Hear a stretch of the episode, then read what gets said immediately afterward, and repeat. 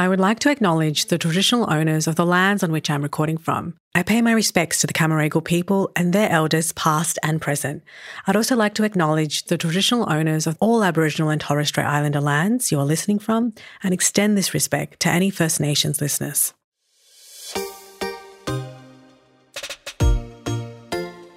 I decided that I wanted to work in a workplace that accepted the entirety of me, didn't just put up my photos and use me in video campaigns because that was awesome for promoting the firm's diversity, but that actually accepted and celebrated all the aspects of my identity.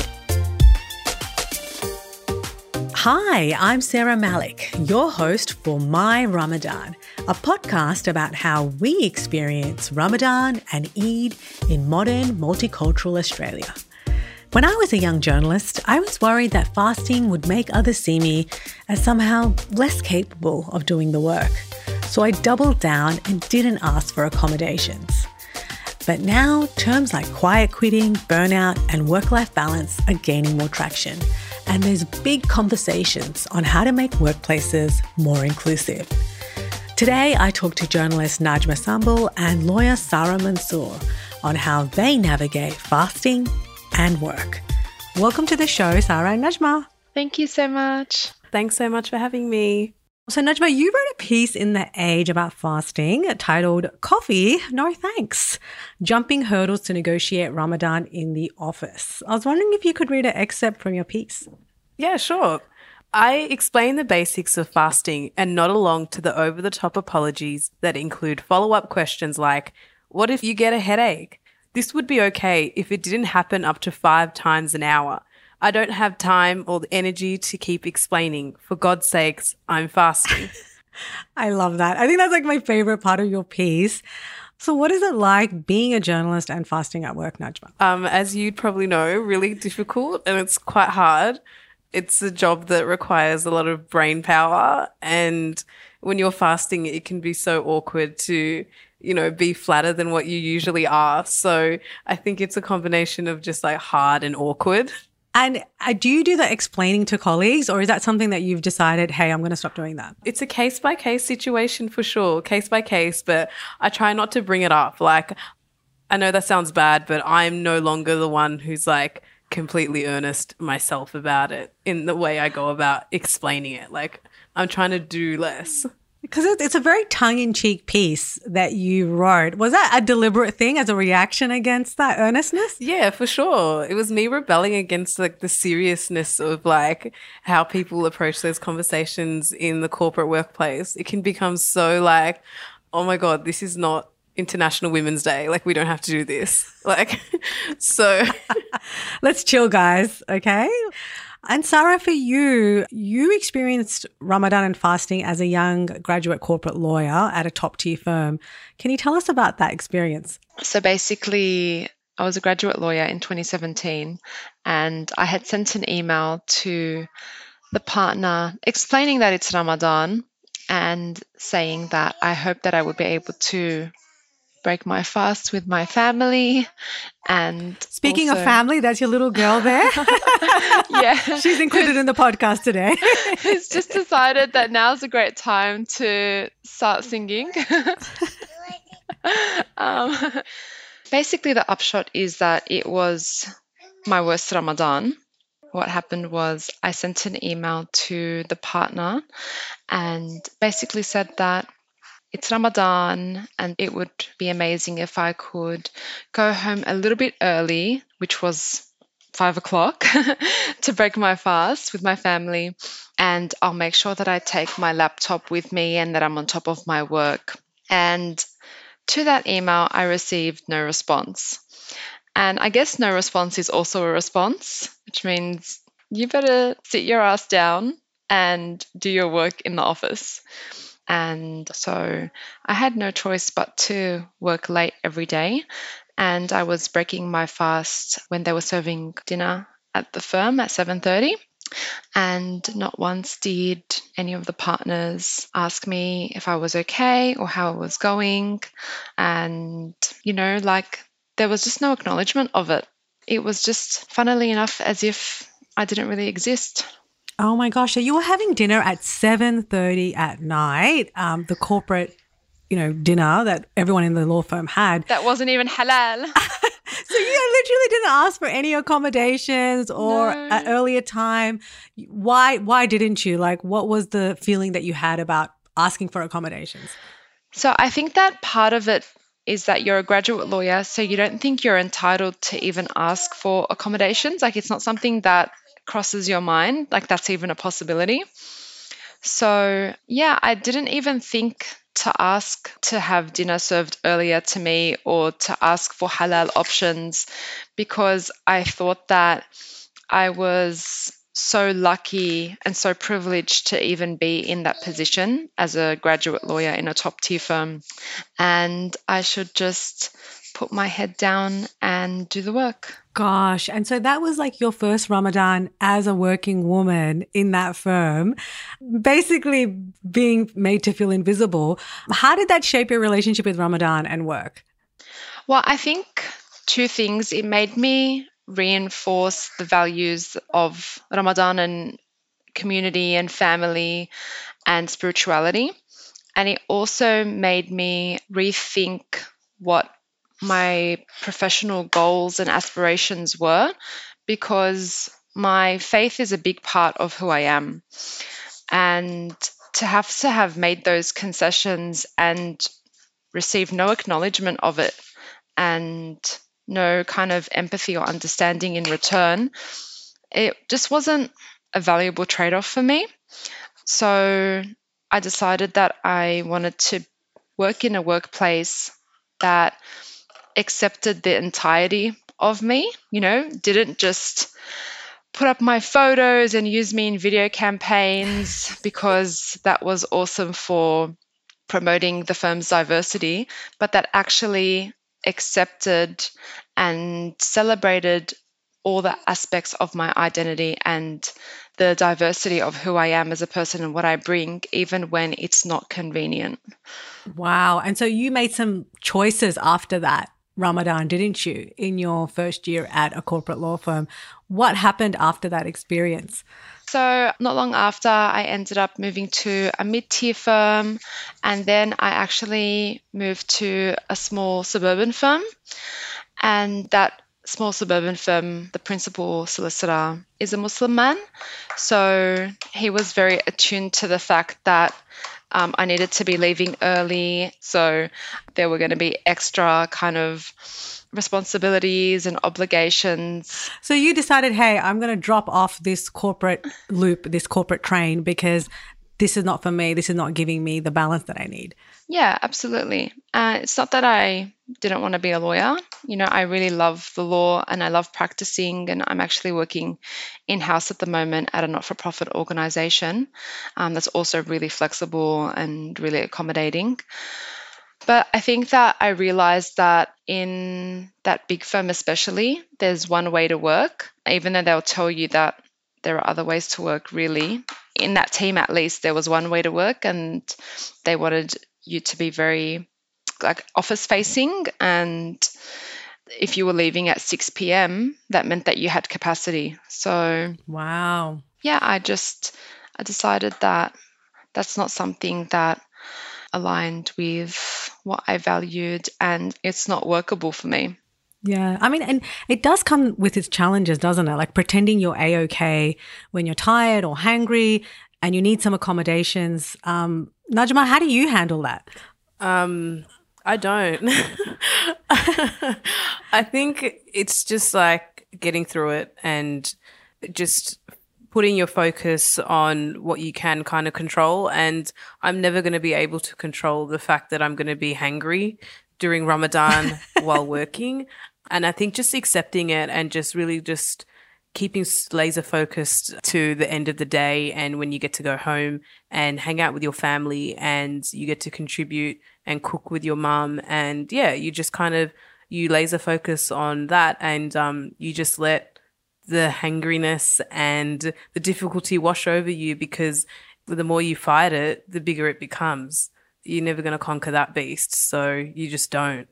like, okay, this is, it is what it is. Um, now, look, let's talk about the first aid room because there's a really quite funny excerpt that you have in your piece about the iconic first aid room. This humble room kind of becomes a hot focal point for a lot of us in Ramadan at work. And this pod is all about Ramadan and work. So I was wondering if you could read that passage, Najma. Yes, yes, I can. um, so, in the world of corporate allyship, I've seen a lot of prayer rooms the good, the bad, and the ugly. No matter how run down they are, how moldy the cup smells, a prayer room in Ramadan is golden. The worst prayer room is no prayer room. I love it. Now, you have a really good story about first aid rooms. Right. Okay. So, I work in the Channel 9 building and. We are on level seven and it's a very beautiful, amazing level. So no shade to this level. Last year was my first Ramadan working at the Age and I'm doing my cadetship. So Sarah, I can kind of relate to this. It's a privileged position you're in and you do what it takes no matter what. And yeah, there was a bit of an issue about no prayer room and I was given the option of the first aid room to be like a place that I could go, which is it's nice, but it's the first aid room. And so, um, yeah, it's my little sanctuary. It's my prayer room. And I contemplated telling other people about that, but I just don't even broadcast it. I'm only there for a couple of minutes intermittently throughout the day. And it's just kind of like my little secret. So maybe some other Muslims in the workplace can relate, but the first aid room always has a lock. Um, and that kind of like, lets you focus on your salat instead of feeling uncomfortable that someone's just going to burst in and see you like on the ground praying. like, Which actually happened to Oh. me. No. Okay, Sarah, we need to hear this story. Was it a partner or like someone in the law firm? Oh gosh, yes. I had um got into a meeting room and in this meeting room there was a cupboard that had instruments. So I thought, well, the best thing that I could do is open the cupboard door and pray behind it so no one will see me if they're walking past. and then one of the support people, he walked in and then he sees me standing behind the cupboard door with my shoes off. And he's like, um, can I help you?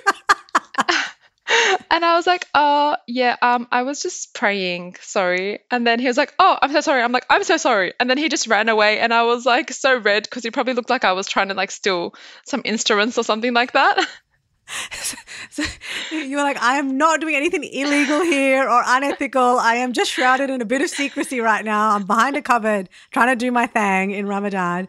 Um, yes, lots of awkward moments. And look, I say just have a nap while you're in there, right, Najma? like you've got a room, you've got a lock. Uh, no one needs to know about hey, that. I've had a few power naps in that first aid room. Um, and I know a few other people have as well. It's got a bed. like, I find that it gets kind of crowded. Like you start to see little like evidence of other people using it in Ramadan sometimes, and there's like a bit of a traffic situation. So I find it really interesting getting to meet other people in the building that you might not have met.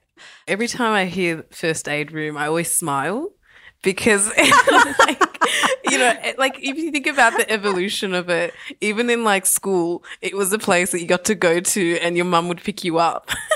and so it's always been this safe place. And now, as like a grown adult who just wants to pray quietly without someone bursting in, yeah, I feel like, yeah, props to the first aid room. Props to the face first aid room. It needs to have some kind of homage to it. it's interesting, you know, we live in a time where we're talking a lot about burnout and work life balance. Um, and I wonder how Ramadan fits in with with that for both of you. Like, does Ramadan help you resist hustle culture, Najma? Yeah, of course. Like I feel like when you're abstaining from food and water throughout the whole day, like you're so limited in like what you can really give your energy to. So I personally find myself really just focused on what's important. I find like time is quite precious in the sense of like I don't I don't waste it as much as I would. Um, and in terms of like hustle culture, I think like I'm trying to avoid having the same kind of outlook that I have with my career and wanting to do really well in it to stop trying to transfer that onto my faith because those are two different things that require two different approaches. For example, I think a lot of people have their Ramadan diaries and they're really awesome and amazing. The Ramadan diaries are quite contemporary part of the toolkit. Can feel like a lot that you feel like you need to get so much done in Ramadan the same way you would try to approach a work day. And I feel like that's kind of not the point of Ramadan. I think Ramadan is to just like slow down and to, you know, just show up. Like I feel like I have to have like a, a gear change um, and a mindset shift to be able to approach Ramadan in this kind of hustle climate, hustle culture. I almost want to do the opposite and like do less, but do it really well. I mean, Sarah, does that relate to you? This idea of like having to do everything so well and setting goals and doing everything perfectly. And you can kind of project that onto Ramadan too and make it a kind of work thing. You know, it feels like another mountain of work you're putting on yourself. Like, is that something that you have to resist? I learned kind of in the last few years, especially when I was forced not to fast because um, I was pregnant or breastfeeding, that I need to give myself grace and that there are so many ways to keep in touch and reconnect with your spirituality that have nothing to do with the actual act of abstaining from food and water because we know that the fasting is not just limited to that. For me, I think that the hardest thing I found in Ramadan has been, yeah, giving myself grace and then also learning how to fast from all of the other things, you know, like the gossiping and the lying and the consumerism and just really dialing it all of that down and focusing on my mental and spiritual well-being. Yeah. And speaking of that, you know, you can really bring an A type persona to Ramadan and it becomes about doing everything perfectly and dieting. And so, Najma, is that something that you really felt like you had to dial down this, this kind of Ramadan perfection and Ramadan as a diet culture type thing? Oh, 100%. I feel like that's a conversation that so many people, men and women, have about Ramadan that it's like, oh, like I'm going to be like I'm going to do better, I'm going to eat healthier, like I'm going to go for walks after I break the fast. Um, just because like the pendulum does swing the other way with Ramadan and you do find yourself eating it a little bit um, uh, unhealthily and, you know, just, I don't know, feeling guilty for that because you might be a little bit too tired to go to pray with your family at the masjid. And I don't know, I feel like this is the first year I'm going to go into Ramadan without limiting myself. So I feel like this is the first Ramadan that I'm going to go into it without even like thinking about diets, without thinking about, you know, getting walks in. I'm just going into it just completely focused on Ramadan and enjoying that month for what it is. Like I think because Ramadan is this like dedicated month of like abstaining, you feel like you can almost abstain from your other bad habits that have nothing to do with your faith. Yeah, it can become a bit of a conundrum, but this year is the first year that I'm not like I'm not even going to discuss it besides obviously talking about it now, but no mention of diets. Yeah, that's not happening. Diets are being cancelled this year. Diets are cancelled. Yes. What is your routine like? How does it change? Because being a journalist is really hectic. You are talking to a million people a day. You're running around, you know, going to press conferences and things. So your Ramadan and fasting has changed to when you were a child. And so how do you manage it? How do you get that me time, that breathe time?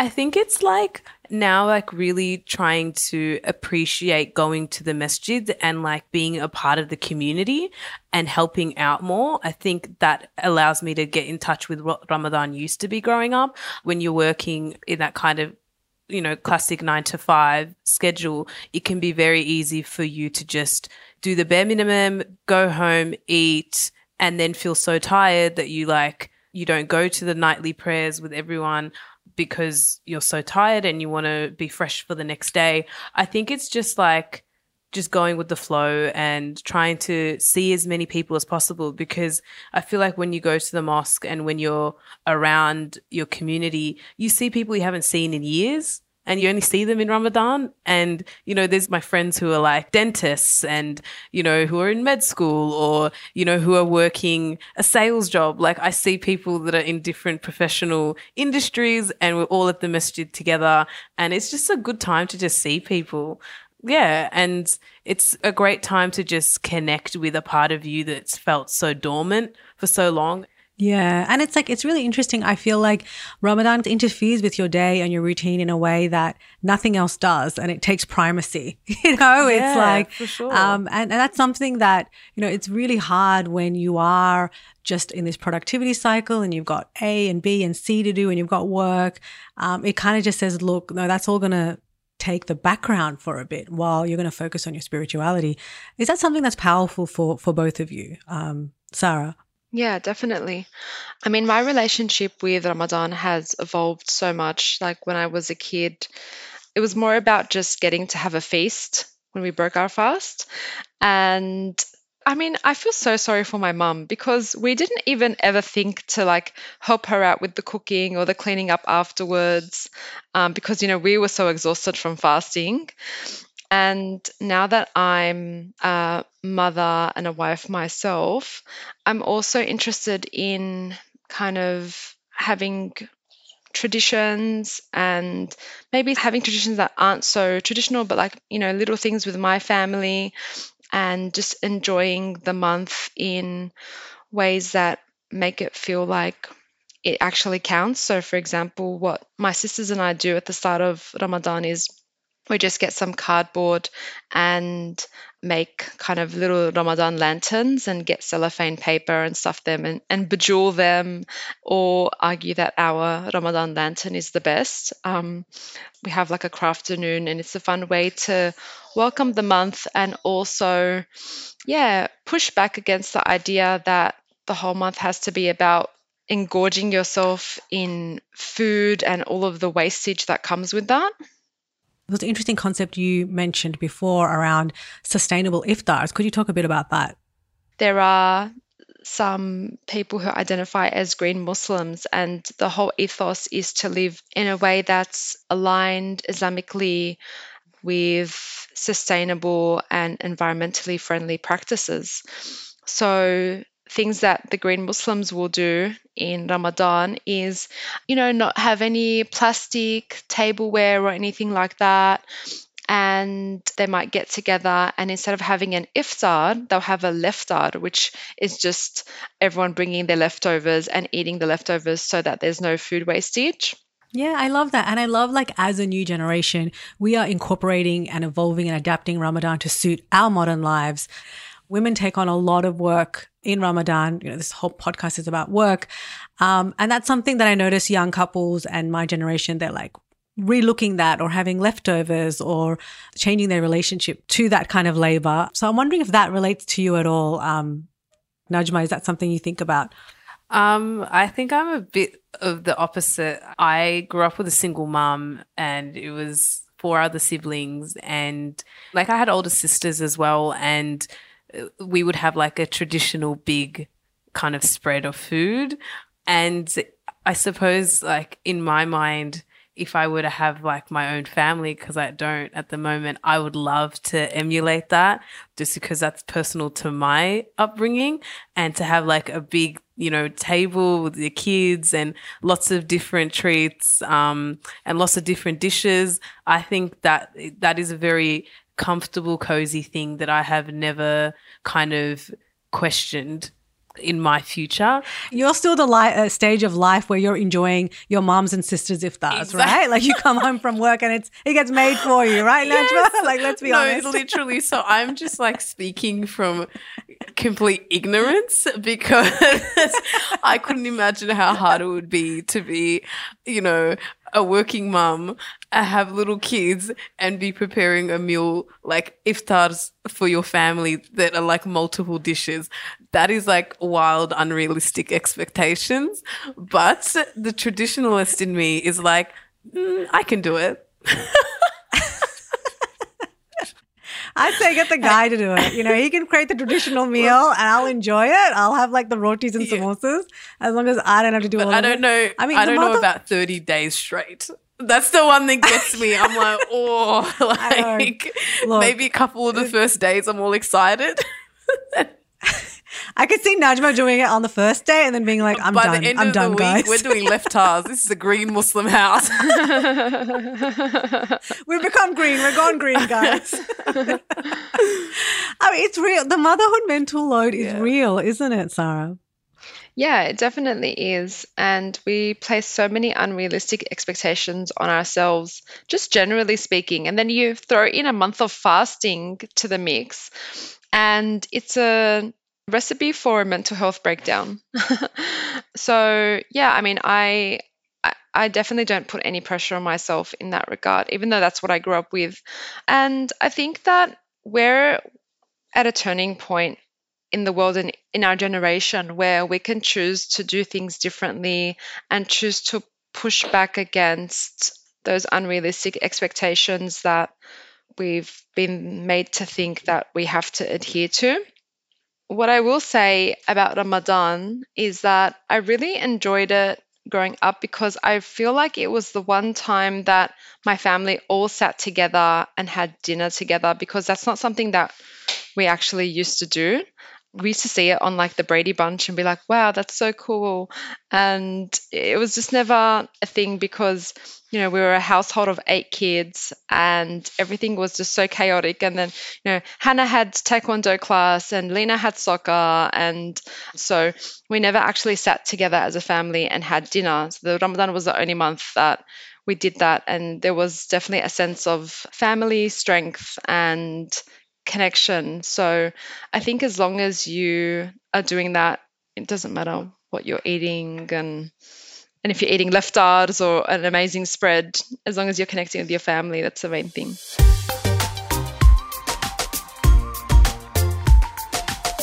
Now, I might just end with some quick fire questions for you guys. What is the best thing about working in Ramadan, Najma? Um, nothing. Prefer- That was a trick question. Preferably being on annual leave. No, I think time going faster in a way. So like your day going by faster and you having something to look forward to at the end of a work day. Nice. And Sarah, best thing about working? Um, having an excuse, like an excuse not to talk to people because you know you have fasting breath, so you just don't want to talk to people, and having an excuse to like yeah not be productive because you're fasting, and and yeah, Ramadan's just like the big um, scapegoat for all of your problems. What is the worst thing about working in Ramadan, Najma? Um, feeling lightheaded at work, thinking about food all the time, and then breaking your fast and going, wow, I was thinking about this all day long. Like, I'm embarrassed. Like, I'm not doing that again, only to repeat the same thought patterns the next day. Yeah, you're like, oh my God, the colleagues look like chicken heads right now. Yeah. Sarah, for you, worst thing about working in Ramadan? Oh, for me, it's the caffeine withdrawals, not being able to have the caffeine. Um, I really suffer, and and it, the thing is, is that every year I don't make it easy on myself. It's not like I slowly cut down my caffeine intake or anything. I just go cold turkey, and it's like the first two weeks I'm acclimatizing and like having the withdrawal symptoms my eyes twitching. And then the second two weeks, I'm like, I've got over my caffeine addiction. And then I'm back on it as soon as it's Eid. I bet both of you have heard the not even water yeah. phrase when you've described fasting at work. Is that something that just becomes more iconic as the years go by, Sarah? Yeah, it's the famous white people proverb. Like, instead of just Googling this stuff, people still are shocked and surprised when they ask us about Ramadan and what it entails and that we don't have water, you know, and they're like, not even water. And it's like, just Google it. Just let's not have this conversation anymore. I mean, Najwa, was that why you wrote your piece as kind of like a sling against the not even water people? Oh, of course. Like it's it's a laugh. Like it was all in jest, and I think like yeah, I just feel those questions off, fending them off with a stick. I love it. I love it. Thank you both for being with us, Ramadan Kareem. And yeah, really, really excited to have you both on. Thank you for being here. Thank you. Thank you so much. The next and final episode of My Ramadan is our Eid special. We have writer Raidah Shah Idil and Dr. Inda Ahmadzari talking about how they celebrate and make Eid special for their kids. I hope you'll join me for it. Hit the follow button in your podcast app and please share or review the podcast if you're enjoying it. This episode was presented by me, Sarah Malik. Our audio engineer is Jeremy Wilmot. Executive producers are Sarah Malik and Caroline Gates. If you want to get in touch, email myramadan at sbs.com.au. You can find My Ramadan in the SBS audio app or at sbs.com.au slash audio.